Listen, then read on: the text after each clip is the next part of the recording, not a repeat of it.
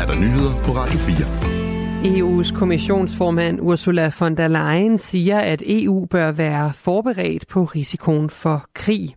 The threat of war may not be imminent, but it is not impossible. And the risks of war should not be overblown, but they should be prepared for. Og her siger hun blandt andet, at risikoen for krig ikke er overhængende, men at det ikke er umuligt, at der kommer krig.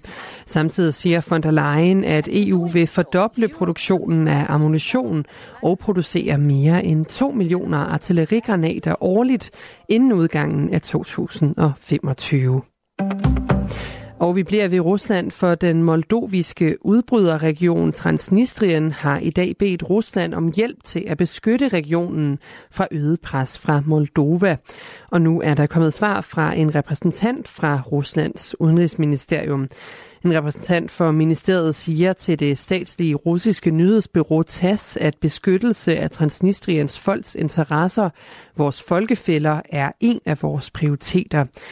Anmodningen om beskyttelse kom tidligere i dag på en særlig kongres i Transnistrien, hvor parlamentsmedlemmer deltog. Fra kongressen lød det blandt andet, at Moldovas regering har ført økonomisk krig imod Transnistrien og blokeret for vigtige importvarer. Et bredt flertal i Folketinget vil styrke tilsynet med efterretningstjenesterne. Det fremgår af en politisk aftale, som er blevet præsenteret her til eftermiddag.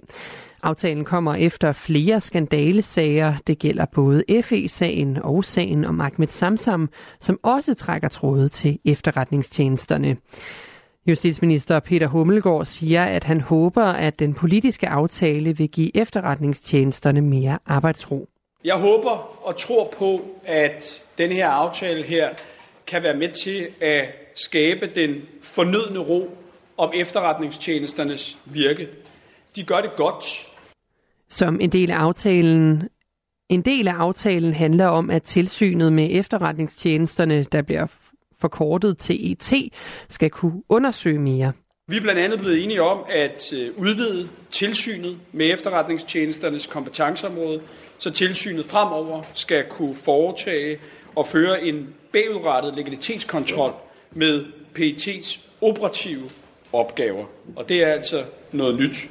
Det udvalg i Folketinget, der kontrollerer efterretningstjenesterne, bliver også udvidet med flere medlemmer, og det får flere beføjelser.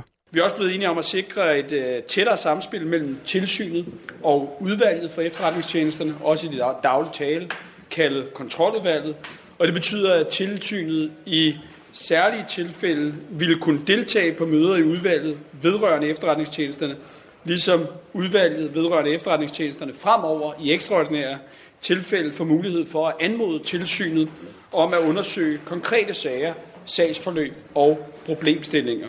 Partierne er også enige om at udskifte samtlige medlemmer af tilsynet med efterretningstjenesterne. Det politiske flertal har besluttet, at de skal erstattes af nye medlemmer med erfaring inden for udenrigs, sikkerheds- og efterretningsmæssige forhold. Den russiske oppositionspolitiker Alexei Navalny blev udsat for tortur gennem tre år på præsident Vladimir Putins ordre. Det hævder hans enke, Julia Navalnaya, under en tale til Europaparlamentet. Putin killed my husband, Alexei Navalny. On his orders, Alexei was tortured for three years. I talen sagde hun også til politikerne i EU-parlamentet, at de ikke har med en politiker at gøre, når det kommer til Putin, men et forbandet uhyre. Tidligere i dag har en af Navalny's talspersoner sagt, at han bliver begravet i Moskva på fredag den 1. marts. Prins Harry har tabt en retssag i London mod den britiske regering, det skriver nyhedsbyrået Reuters. Prinsen har klaget over, at en komité i det britiske indrigsministerium har besluttet, at prinsen ikke længere automatisk skal modtage personlig politibeskyttelse i Storbritannien. Heller ikke, hvis han selv betaler for det. Beslutningen blev taget efter prins Harry trådte tilbage fra sine officielle roller i det britiske kongehus i 2020. Resten af dagen bliver det skyet, og der kommer mest tørt vejr over de østlige og sydlige egne. I aften og nat bliver det mest skyet, og sidst på natten kan der komme lidt regn til Vestjylland. Temperaturer mellem 2 og 6 grader. Det er jo nyhederne her på Radio 4.